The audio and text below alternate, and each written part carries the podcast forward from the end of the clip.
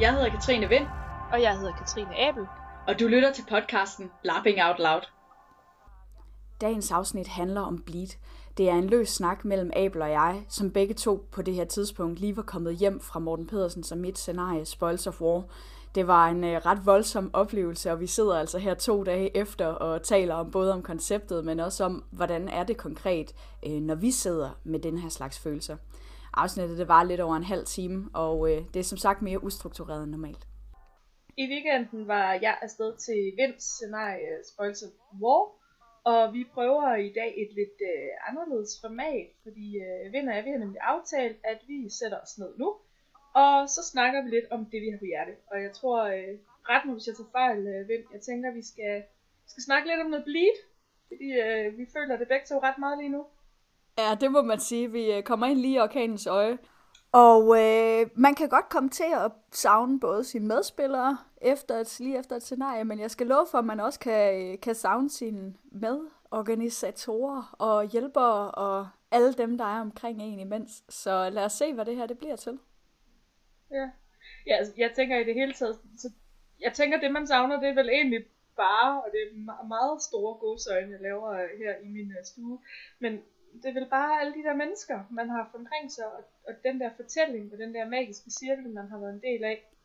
Og, og der er det jo, som du selv siger, det er jo både medspillerne, og det er arrangørerne, og det er de der fantastisk søde, rare hjælpere, som kommer og, og står i bar og vasker op og slæber tunge ting, og de der tjenere, der forsvandt, det var jeg faktisk ret overrasket over, hvor hurtigt jeg vendte mig til, at de ikke var der, selvom de fikset alt.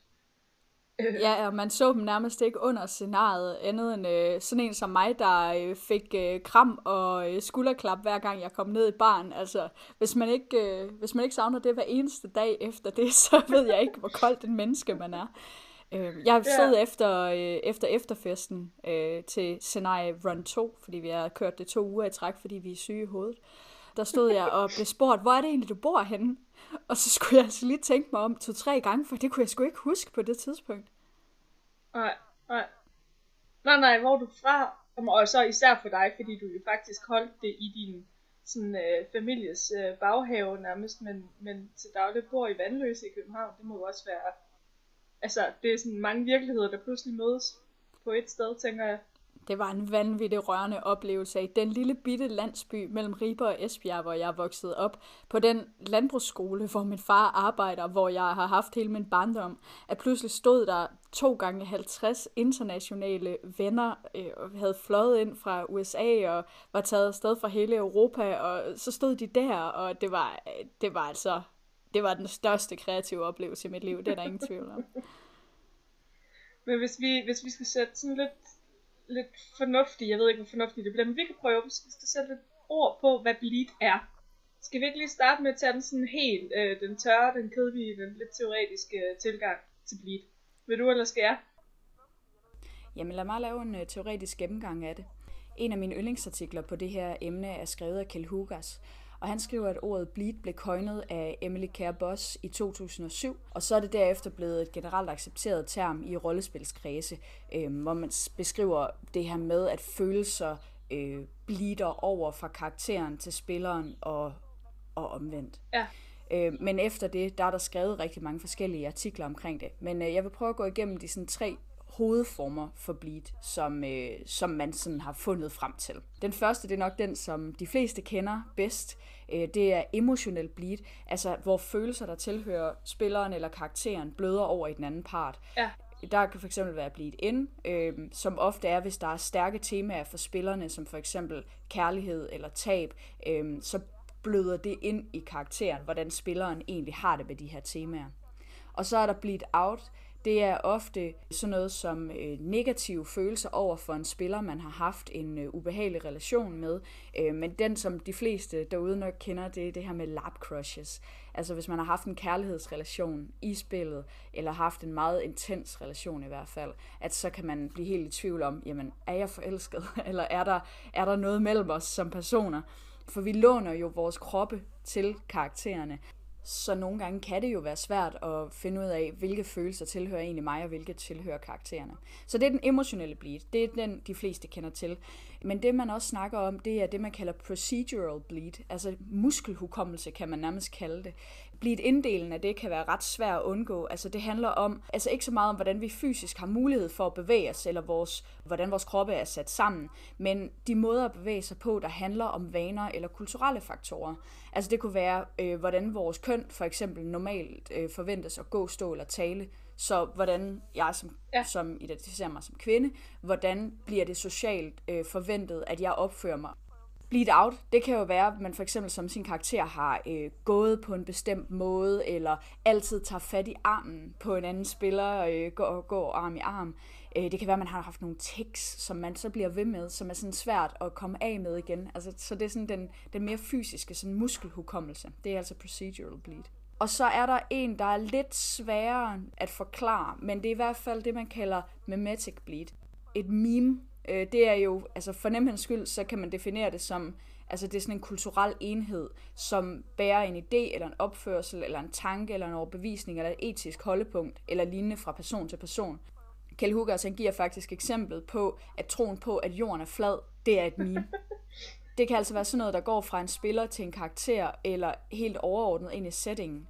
Øh, den her slags bleed er nemlig også noget, der kan ske på sådan en mere strukturel plan i, øh, i lab. Og et eksempel på det, det kunne være øh, lab-demokrati, som de fleste af jer derude nok har prøvet, at selvom man simpelthen forsøger at sætte et intrigespil op, øh, hvor det mest interessante er konflikt, så forsøger spillet som sådan, spillerne som sådan, stadig at gøre alle glade. Altså at man håndterer situationer på måder, der, der stemmer over med spillernes værdier, og ikke med karakterernes. Ja. Så selvom man måske er i et feudalt samfund i Spoils of War, at så kan det være enormt svært at lade være med at sige tak til tjenerne, hver gang de gør et eller andet for dig. Det er også et element, som jeg regner med, at vi kommer ind på i senere afsnit, fordi det her med, hvor svært det er at spille skurk eller spille undertrykker, det kan være enormt grænseoverskridende og enormt svært, og i øvrigt også noget, man kan have en masse negativ bleed af bagefter, fordi at det går så meget imod ens øh, normale værdier, at, at det begynder at påvirke en øh, personligt. Og det der med, hvordan man et for eksempel kunne spille en øh, god og overbevisende skurk. Øh, to, hvor svært det egentlig kan være. Og øh, ja, tre, hvilke konsekvenser det kan have, og hvad man skal være opmærksom på med sig selv efterfølgende. Også det er noget, som, øh, som jeg regner med, vi kommer ind på.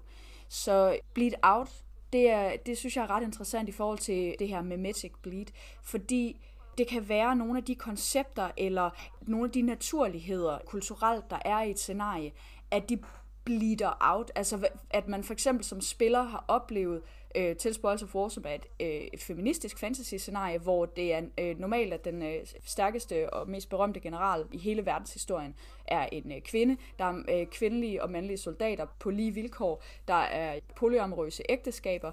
Der er øh, mænd, som har været øh, udsat for rigtig grumme ting, og som ikke øh, er øh, macho-mænd nødvendigvis. Altså det er meget sådan en, det er meget en, en øh, lige verden på den måde. Der er masser af undertrykkelse, på rigtig mange punkter, men det er ikke systematisk undertrykkelse af kvinder, for eksempel. Der er adskillige af, af mine veninder, øh, og, og i øvrigt også spillere, jeg ikke kendt på forhånd, der bagefter har sagt, hvor vil jeg ønske, at verden var sådan her i virkeligheden. Helt overordnet, så er der det her med bleed in, som er for spilleren til karaktererne, bleed out fra karakteren til spilleren, og så er der de her tre forskellige typer, emotional, procedural og mimetic bleed.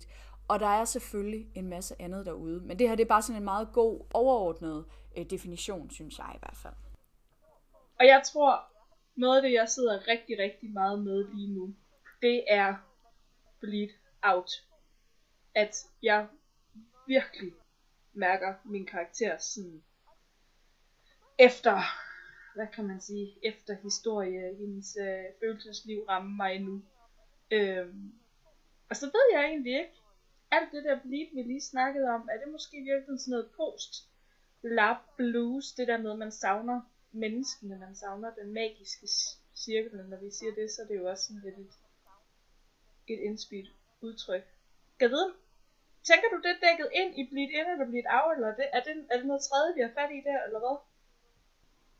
Jeg vil sige, det er i hvert fald ikke helt sådan øh, klassisk inden for definition. Der er nogle fine artikler omkring det på Nordic Lab bleed.org. Altså, der er rigtig mange, der har snakket om det her med, hvad bleed er. Men i hvert fald, så øh, er der jo også nogen, der mener, at bleed overhovedet ikke findes.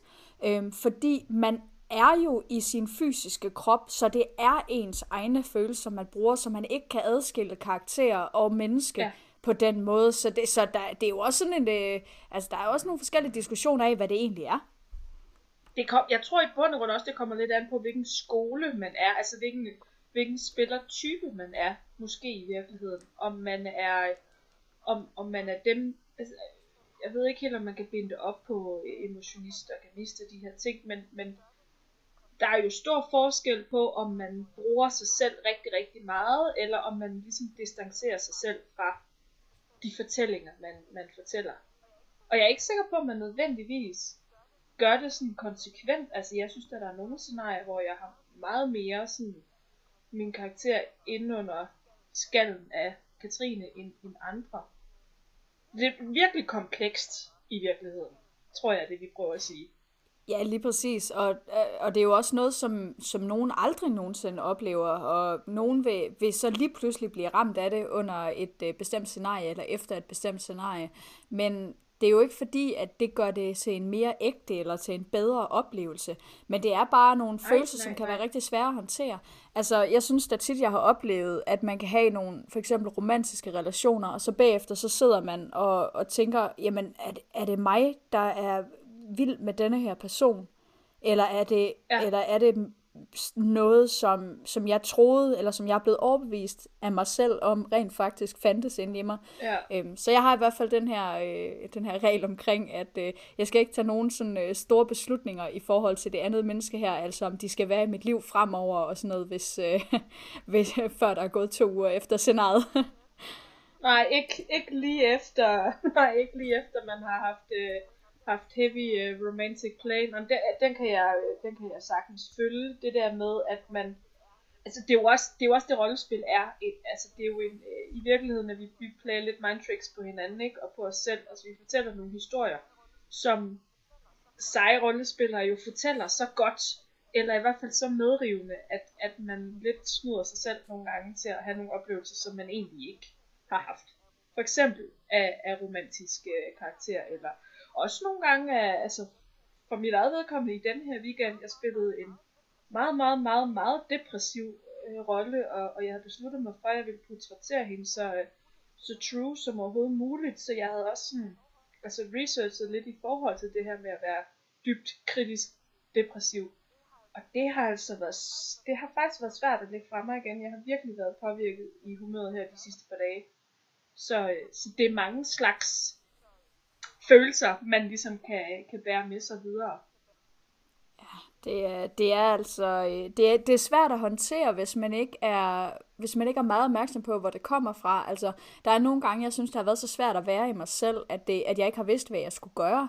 Fordi det, det sker så ikke så altså det sker ikke sådan med de romantiske relationer for mig, men hvis jeg har haft Nej. nogle rigtig, rigtig stærke venskaber, eller nogen, hvor de bare har været altså, de vigtigste støtter i min karakteres liv, så, så kan jeg godt øh, savne dem, altså som, som støtter Vær i, enormt i mit eget liv. bagefter, ikke? Ja, præcis. Og så sidder man der og tænker, jamen, er det så ikke ægte, de følelser, jeg har for dem nu? Og ja. kunne vi måske være sådan her? Altså, for jeg har da oplevet tidligere, at, at der er nogen, der er blevet meget, meget, meget tætte venner, øh, med mig og ligesom hoppet en masse skridt over. Det kan godt være, at de ikke kender hele min livshistorie, og jeg ikke kender deres. Men pludselig har jeg siddet og talt med dem om ting, som jeg fortæller meget få andre, fordi de ja. på en eller anden måde har fået låst op og har taget en genvej ind bag ved alle de altså facader eller alle de øh, jamen, følelser, man normalt har, sådan, og de step, man skal igennem for at blive rigtig gode venner. Ja.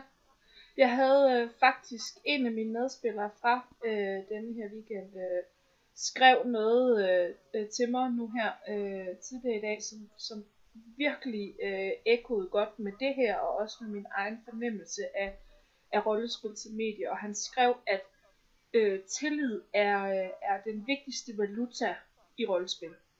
Og, og, og det ringer bare simpelthen så godt, fordi netop som du siger det der med, at vi kommer ind under huden på hinanden, vi deler nogle oplevelser, vi fortæller nogle historier, som gør, at vi nogle gange springer rigtig mange skridt over, fordi vi bare møder, møder hinanden meget tættere og meget hurtigere og meget dybere, end man nogle gange gør ude i virkeligheden. Og det kan være rigtig stærkt, det kan også nogle gange gå rigtig galt. Øhm, men jeg synes, det er, rigtig, det er en rigtig fin måde at beskrive det på, det der med, at, at trust øh, i, i virkeligheden faktisk er, er den dyrebareste valuta, når vi, når vi spiller de her scenarier, hvor vi, hvor vi skaber fortællinger sammen. Øh, den kommer jeg til at bære med mig fremadrettet, den ligesom forståelse af, hvad, hvad, hvad det er, vi laver sammen. Hvordan oplevede du den tillid? Jeg oplevede den rigtig meget ved, at øh, vi på forhånd aftalte, at, at det var okay, at, at have, altså vi alle sammen var usikre. At vi alle sammen var, var sådan en lille smule nervøse for, øh, for det her, vi, vi egentlig skulle til at lege nu. Øh, hvilket var både romantisk spil og, øh, og meget sådan emotionelt dramatisk, sådan høje, høje dramatiske øh, konfliktspil. Øh, og, og så det, at vi havde fået nogle karakterer, som vi alle sammen på den ene eller den anden måde holdt rigtig meget af. Øh, og deres relationer til hinanden blev vi rigtig, rigtig glade for rigtig hurtigt. Øh, men vi havde sådan en snak om, at... Det er selvfølgelig heller ikke fair, når vi havde skrevet karaktererne til jer specifikt. Nej, altså hvis vi var jo efter, også... efter jeres ønsker. ja, vi, og vi var jo også, vi var jo også øh, castet i de karakterer af, af jer, øh, og de var skrevet af jer. Øh, vel, og I kender jo kendt måske lidt til os, øh, nogle af os i hvert fald. Øh, og gå ud fra, at du kender lidt til mig efterhånden. Øh, men, oh, bare en lille smule. bare en lille smule. Men, men det der med, at vi allerede fra start øh, på en eller anden måde ligesom turde sige til hinanden, hey, jeg er nervøs. Øh, jeg synes, det her er romantisk noget, det er nyt for mig. Det er, det er ikke noget, jeg, har gjort særlig meget. Øh, og der er nogle mindreværdskomplekser, som, som jeg arbejder med, men, men jeg vil gerne arbejde med dem sammen med jer. Var det noget, I gjorde før scenariet, eller var det, øh, da I kom derud og mødte hinanden? Det var begge dele. Øh, vi, vi luftede, jeg luftede det i hvert fald for mine medspillere kort før scenariet. Grund til at sige mine medspillere, det er, fordi der er flere end en involveret i, uh, i det her. Øh, så, så jeg luftede det for dem velvidende, og med også lidt med nerver på, fordi det er også en stor ting for mig øh, at, at åbne op og sige, hey, jeg er nervøs, fordi i, i bund og grund har man jo mest alt lyst til at være den, der bare har styr på sit shit. Øh, men men det, det var jeg ikke helt sikker på, at jeg havde. Så jeg tænkte, nu, øh, nu, nu, nu siger jeg det til dem. Og øh, det viste sig, at, øh, at øh, mine medspillere var, var lige så nervøse, som jeg var. Og, og det skabte bare sådan en eller anden forståelse af, okay, vi, vi, we're in this together. Og, og det endte vi faktisk med at have som sådan et mantra, sådan, øh, we're in this together. Øhm, og, og det var super fedt. Fordi det betød, at vi under scenariet hele tiden kunne tjekke op med hinanden. Fordi vi vidste, jamen hvis jeg er nervøs over det her, så er, så er han eller hun sikkert også. Øh, så det fungerede mega godt for os. Men det kræver selvfølgelig, at, at man får, får knækket nøden, eller hvad kan man sige, man får åbnet op. Og det kan være, det kan være rigtig svært. Øh, vi, vi formåede jo så at gøre det før scenariet, man kan sige, til, øh, til mange scenarier, og også, øh, også jeres scenarie, Spurs War her, er der jo på en eller anden måde indtænkt i designet, hvordan får vi skabt en tryg kultur. Altså hvordan får vi skabt en, et miljø mellem de her spillere, som gør, at de forhåbentlig tør at approache hinanden og, og, og bede hinanden om spil. Mm. Fordi det er faktisk enormt grænseoverskridende at gøre det. Øhm, og det havde I, vi havde noget safety workshop, og, og generelt jo rigtig meget ud af at sige, at det var altså alles ansvar også at åbne op for at sige, hey, øh, jeg kunne godt tænke mig det her, er det noget, du, du gerne vil spille med mig.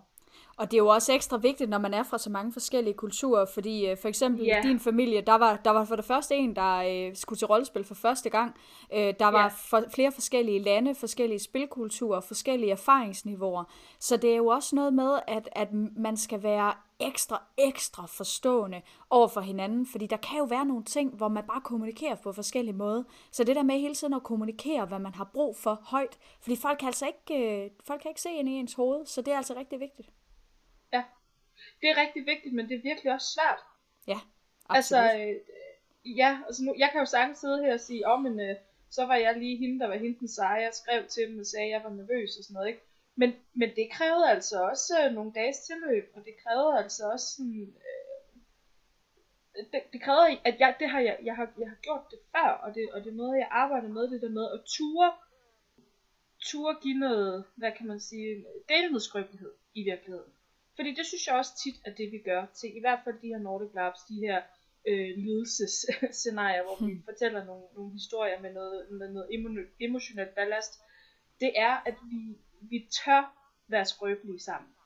Og, og jeg tror først, vi tør være rigtig skrøbelige sammen i historierne og i fortællingerne, hvis vi også kan åbne en lille smule op for spillerne. Men det kræver også, der er kemi, og det kræver, uh, det kræver mange ting. Fordi jeg kunne forestille mig rigtig mange mennesker, jeg aldrig ville have lyst til at være så åben overfor. Øhm, og nogle gange er man bare mere heldig end andre.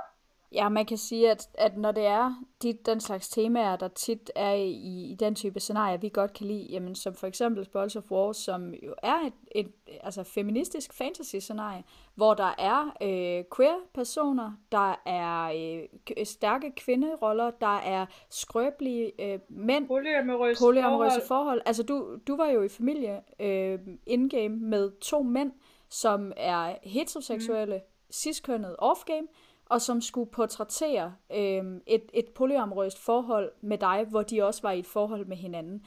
Og at skabe ja. den respekt omkring det, fordi det betyder faktisk rigtig meget for rigtig mange mennesker. Og det her med at kunne kunne, øh, kunne beskrive det og, og spille det både respektfuldt, men også på en måde, hvor man, hvor man aldrig gjorde det til noget, der skulle definere hele karakteren. Det kræver altså rigtig meget af spillerne, hvis de ikke er vant til det i deres hverdag. Og der må jeg altså sige, at jeg er dybt ja. imponeret over den måde, som, som jamen selvfølgelig både du, som jeg, som jeg havde regnet med, men også så, hvordan altså, de mennesker, som skulle spille i sådan en for dem usædvanlig situation, at hvordan de har egentlig håndteret det. Ja, altså jeg vil sige uh, noget af det, som, og det er jo også noget af det, der, der gør, at jeg sidder her med den her post-lap blues, det er jo, jeg, uh, jeg savner lidt øh, det faktum, at man at, at det er okay for mænd at græde offentligt, og det ved jeg godt, det bliver det mere og mere. Og, og Hollywood bliver også bedre og bedre til at portrættere macho mænd, der rent faktisk har følelser og sådan noget, ikke? Øh, men, men det der med, det er okay at, at være skrøbelig, det er okay ikke altid at være vinderen, og det er okay at være i de her atypiske forhold, uden at det handler om, hvem der er den dominerende type osv. Jeg havde det på samme måde efter Sirius Dotter, et scenarie, jeg spillede tilbage i december, hvor man... Hvem er det, der har lavet det? Det er... Øh, åh, øh, Anna, det er Lukas Ringklint, hedder han. Øh, han har lavet scenariet, øh, men det var sat op af ja, øh, Kaja Tejls og Anna Emilie Gro øh, i, i Danmark her i, i december. Og til det scenarie, der havde man vendt øh, kønsrollerne. Man har taget de stereotype, meget meget stereotype kønsroller, og, øh, og øh, maksimeret dem, altså skruet dem op på fuld blus, så de var helt ekstreme, og så har man vendt dem om.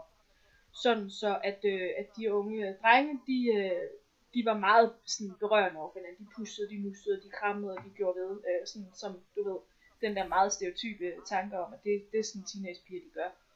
Men men det der med efter scenariet at komme ud i en verden, hvor der ikke var sådan en bunke af drenge, der bare sad og nussede og krammede og hyggede, fordi de kunne, og, og hvor, hvor alle øh, oplevelser, eller hvor mange oplever, i hvert fald mange mænd, tror jeg, det nu antager jeg det igen, øh, oplever, at, at berøring på en eller anden måde er seksuel. Altså, at, at når mænd rører ved kvinder for eksempel, eller mænd rører ved mænd, så, så har det en eller anden seksuel karakter.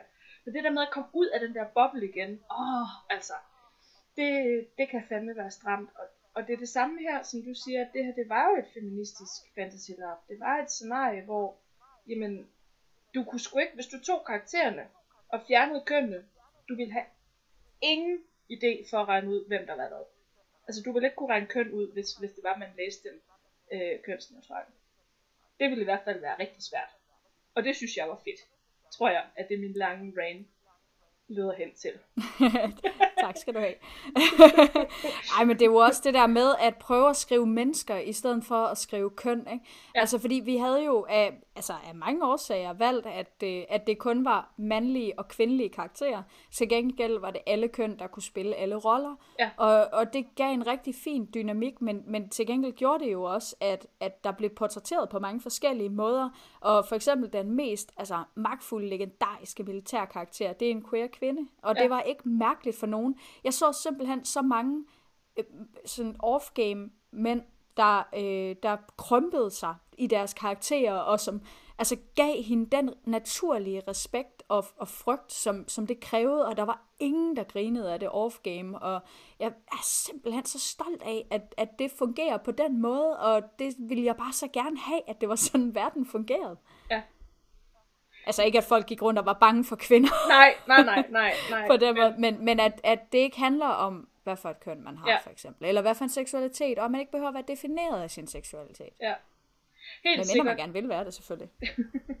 Helt sikkert. Og det, er jo, og det er jo også noget af det, jeg tror, jeg som, som efterlader en med, med den her underlige fornemmelse af at være trådt, trådt ud af en boble. Ikke? Og det er jo det, vi kan med rollespil. Det er jo, at vi kan jo vi kan undersøge og afsøge nogle, øh, nogle, nogle tematikker, nogle, øh, nogle sammenhænge og nogle, og nogle samfundsstrukturer, som er helt unikke for de fortællinger, vi, vi fortæller.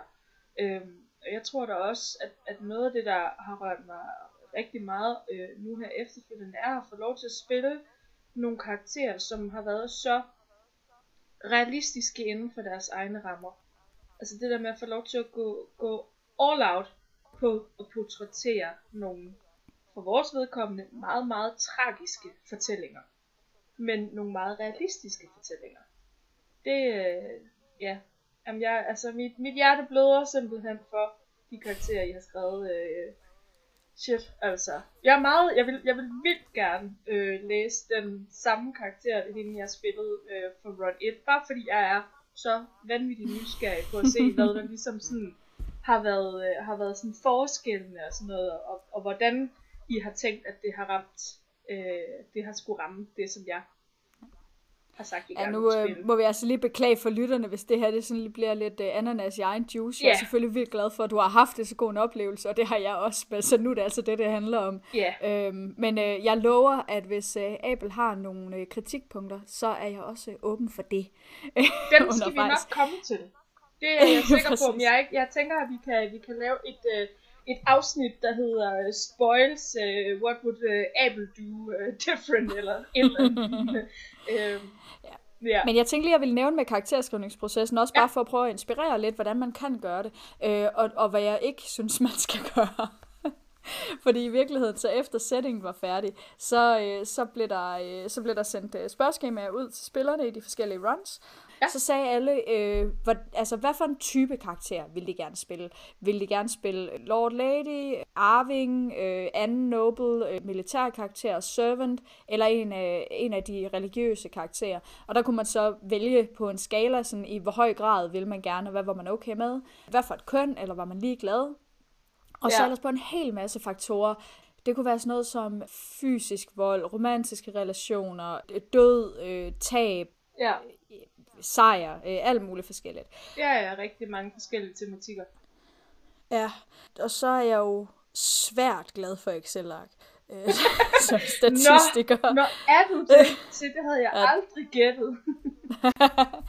Og så, så jeg satte simpelthen op på mine, øh, mine to skærme. Ja, så, fandt jeg, så havde jeg de to runs ved siden af hinanden. Og så var der så flere øh, karakterer i, øh, i, i run 2 end i run 1, eller flere spillere. Og så øh, kiggede jeg sådan efter, jamen, hvem har nogenlunde de samme præferencer? Og det passede sådan, ikke perfekt, men det passede nogenlunde, i hvert fald på sådan en måde, at, at der kunne laves en struktur, som er, når man så er der de her huse, så er der den her øh, lord øh, med, med tre lady wives, eller så er der måske kun én arving, eller så er der en religiøs karakter, og så passede det nogenlunde. Ja. Men, så det vil sige, at setting var den samme, og husstrukturen var den samme, som med nogle flere karakterer over i Run 2. Og Ja. så, skrev, så skrev vi ellers karaktererne ud fra hver enkelt spillers ønsker. Okay. Og så, så det var altså simpelthen kigge på deres præferencer. Så havde vi selvfølgelig nogle historier på lager, som var som virkede fra det gamle Victorious, der også var inspirationen til det. Ja havde en masse historier andre steder fra, nye ting, vi fik fundet på. Nogle spillere havde skrevet konkrete ønsker, eller konkrete folk, de gerne ville spille med. Så for eksempel den karakter som øh, type, eller den karakter position, du spillede i Run 2, hende, der spillede i Run 1, hun havde nogle andre ønsker, så hun havde nogle andre relationer.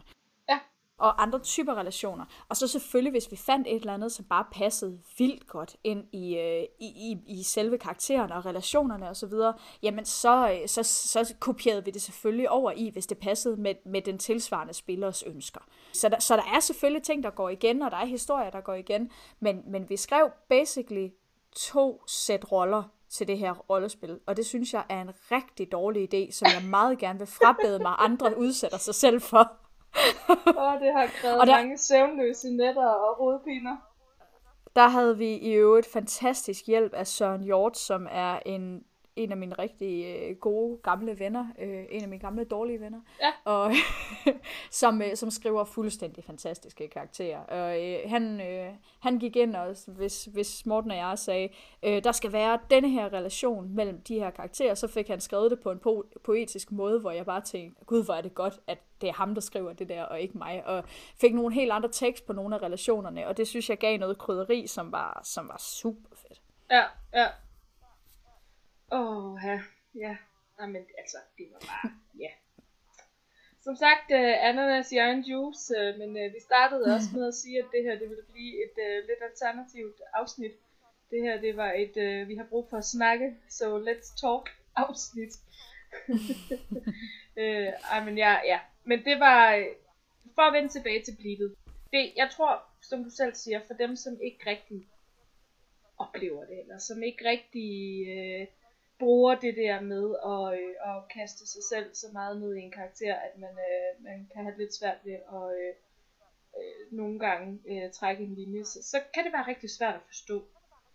Jeg tror, at det jeg synes, der er det rigtig fede rollespil, det er netop, at man kan bruge sig selv så meget, at man, at man går helt ind i oplevelsen. Hvilket også er det, jeg, jeg tænker, man kan bruge til, øh, i forhold til at bruge rollespil som læringsmiddel, og hvad med, man bruger sin egen krop, og man bruger sin egen erfaring, og, og det gør bare, at man kommer altså lidt tættere på end en film, eller en bog, eller ja. I love it. I love all of it. Det er en crazy hobby, vi har, når man kan sidde bagefter og være sådan lidt ked af det, og samtidig synes, det er helt fantastisk. Ja, lige præcis. Og, og det der med at have et fællesskab i det hele taget, altså det, ja. er jo også, det er jo også det, man kommer til at savne, fordi lige præcis den her kombination af mennesker i lige præcis det her mindset, altså det, det er jo noget unikt, og så har man det sammen øh, som historie bagefter, men det er jo ikke noget, der kommer igen. Det er jo også noget af det smukke. Men, og der vil jeg altså også gerne lige have lov til at slå et slag for Nordic Lab. Der er øh, nok ikke nogen af vores øh, faste lyttere øh, efterhånden, som ikke godt har fattet, at øh, du og jeg er rigtig glade for Nordic Lab. Men når det er sagt, så synes jeg også, at det der er det helt, helt unikke for netop den type scenarie, det er, at man bruger rigtig, rigtig meget energi på at skabe de her trygge miljøer, hvor, øh, hvor spillerne på den ene eller den anden måde igennem øh, de, den ene eller den anden workshop guides ind i at have bare et bånd, som jeg simpelthen ikke har oplevet andre steder. Altså da jeg var afsted til mit første sådan rigtig Nordic Lab, sådan har jeg tilbage i 2016. Øh, måske endda kan man sige, at Cabo var det også før det tilbage i 11, tror jeg. Øh, det, jeg var blown away over den der oplevelse af, okay, vi mødes onsdag eller fredag, og vi tager hjem søndag, og når jeg siger farvel til folk søndag, så føles det som om jeg siger farvel til familiemedlemmer, jeg kan kendt hele mit liv. Og jeg har lige mødt dem. Mm. Altså, hvordan filen gjorde vi det? Øhm, og der, jeg tror simpelthen, det er det der med at være så opmærksomme, så man er i det internationale miljø, på at skabe nogle rum, hvor vi kan være sammen, og hvor alle er velkomne. Og det vil jeg bare virkelig opfordre til, at man gør nærmest uanset om det så er en uh, lille bitte rollespilsforening i, uh, i Vestjylland eller Sydsjælland eller whatever, men have den der forståelse af, at rollespil er noget, vi laver sammen, have den med. Altså, ej, hvor er det vigtigt. Ja, og så måske vi også lige skal nævne det her med, at man kan jo også have negativ bleed. Jeg har da oplevet ja. det selv så sent som for et år siden, hvor jeg tænkte, jeg har oplevet en masse konflikter, jeg elsker konfliktspil. Men jeg fandt alligevel ud af bagefter, at øh, der var en, som øh, nærmest havde øh, slået op med mig in-game, og min karakter troede, at hendes karakter var forelsket. Men det var hun ikke længere, og bagefter den måde, som den karakter så var grov ved min karakter, det gjorde ja. bare, at jeg til efterfesten, jeg havde faktisk ikke lyst til at snakke med hende særlig meget, og jeg, jeg kunne mærke, at jeg undgik hende. Og så skrev hun til mig i dagene efter, øh, med at hun godt kunne mærke, at der var et eller andet, og at hun havde elsket at spille med mig. Og jeg havde jo også elsket at spille med hende, og især de første par dage havde det bare været sådan en stærk, stærk bleed-oplevelse. Og jeg, altså, jeg kunne bare mærke, at, at hende her, hun kunne blive en af mine bedste venner. Og jeg er så glad for, at hun skrev til mig, fordi det var faktisk ja. mig, der ikke var særlig god til at håndtere mine følelser der, fordi jeg vidste faktisk ikke, at det var det, der var i gang med at ske. At jeg sådan blidede negativt imod hende som person, på grund af det, hendes karakter havde gjort, der, der havde jeg da tænkt, ej, det kan jeg sagtens adskille. Så det kan altså også komme snigende på en. Altså, vi har et fantastisk forhold i dag, og jeg, altså, jeg er så glad for at have hende. Hun var også med til, til Spoils Run 1, og altså, jeg, jeg vil bare, jeg vil bare sige, at bleed, bleed det, er altså ikke kun, det er altså ikke en positiv ting nødvendigvis. Det kan altså også være en rigtig, rigtig ubehagelig oplevelse det kan være rigtig, rigtig svært at håndtere øh, nogle gange. Altså, men, men jeg tror jo igen, det er det der med, at vi, at vi giver hinanden simpelthen noget af os selv i de her fortællinger. Og så sidder man tilbage bagefter og tænker, var det for meget? Var det for lidt? Hvor, hvor fanden skal jeg gå hen med den her følelse af, øh, at jeg ikke helt ved, hvad, hvordan denne her skal føles til dør. Og der er det jo bare rigtig, rigtig, rigtig fedt, og det er jo også et, et, et godt karaktertræk af hende, kan man sige, at hun så faktisk har kontakt til dig, fordi hun tænker, okay, der, der var lige noget, vi skal have snakket om her, ikke? Det var så moden af hende, og jeg ville jo også have gjort det på alle mulige andre tidspunkter, og har også gjort det selv, men selv hvor jeg tænker, Nå, men det, øh, det, det skal jeg nok sørge for at kommunikere, og klar kommunikation er vigtig, og det er vigtigt altid at være ærlig, jamen jeg var ikke engang mm. opmærksom på det selv, at det var den følelse, der egentlig sad inde i mig, så ja, det hjalp mig rigtig meget, hun ragt ud, så også bare en opfordring til, at hvis du tør, og hvis du øh, tør at sætte dig selv i, i spil på den måde, så kan det faktisk være med til både at hjælpe andre, men det kan også være, at det kan gøre din egen oplevelse og endnu ja. bedre. Altså. Ja, ja og, og jeg vil altså også gerne lige slå et slag for her til sidst, at altså et, et scenaries kvalitet bliver altså ikke nødvendigvis regnet i øh, mål i bleed, vil jeg bare lige sige. Øh, jeg var for en lille måneds tid siden til et scenarie i uh, Sverige øh, af Nice Evening with the Family, lavet af Ja, A Nice Evening with the Family er lavet af Anna Vesterling og Anders Hultmann, eller det var i hvert fald de to, som var hovedafvigtere på det i år. Men i hvert fald et sindssygt fedt scenarie. Et rigtig, rigtig godt scenarie. Også et, et lidt, lidt hårdt scenarie. Men der havde jeg overhovedet ikke sådan efterbleed eller noget som helst. Men det ændrede ikke på, at det var et knaldgodt scenarie, som jeg øh, kommer til at snakke med dig, øh, Vind, om øh, på et andet tidspunkt i en anden podcast, af, for nogle andre grunde. Men, men det er bare for lige at cementere, at selvom vi har snakket om bleed nu i øh, en halv time, det er ikke, øh, det er ikke nødvendigvis et succeskriterie. Man kan også godt have, øh, have bleed i et scenarie, hvor man sidder bagefter og tænker, hm, var det det? Øh, det, det, det, det hænger ikke nødvendigvis sådan progressivt sammen, eller hvad hedder det, proportionalt sammen, er det jeg prøver at sige. Lige præcis. Men jeg tror også, at øh, vi har fået snakket om det, vi havde brug for at snakke om nu, og håber, at I, øh, I fik noget ud af at lytte med derude. Det var alt for denne her gang. Du har lyttet til Lapping Out Loud. Mit navn er Katrine Vind. Og jeg hedder Katrine Abel. Tak fordi du lyttede med.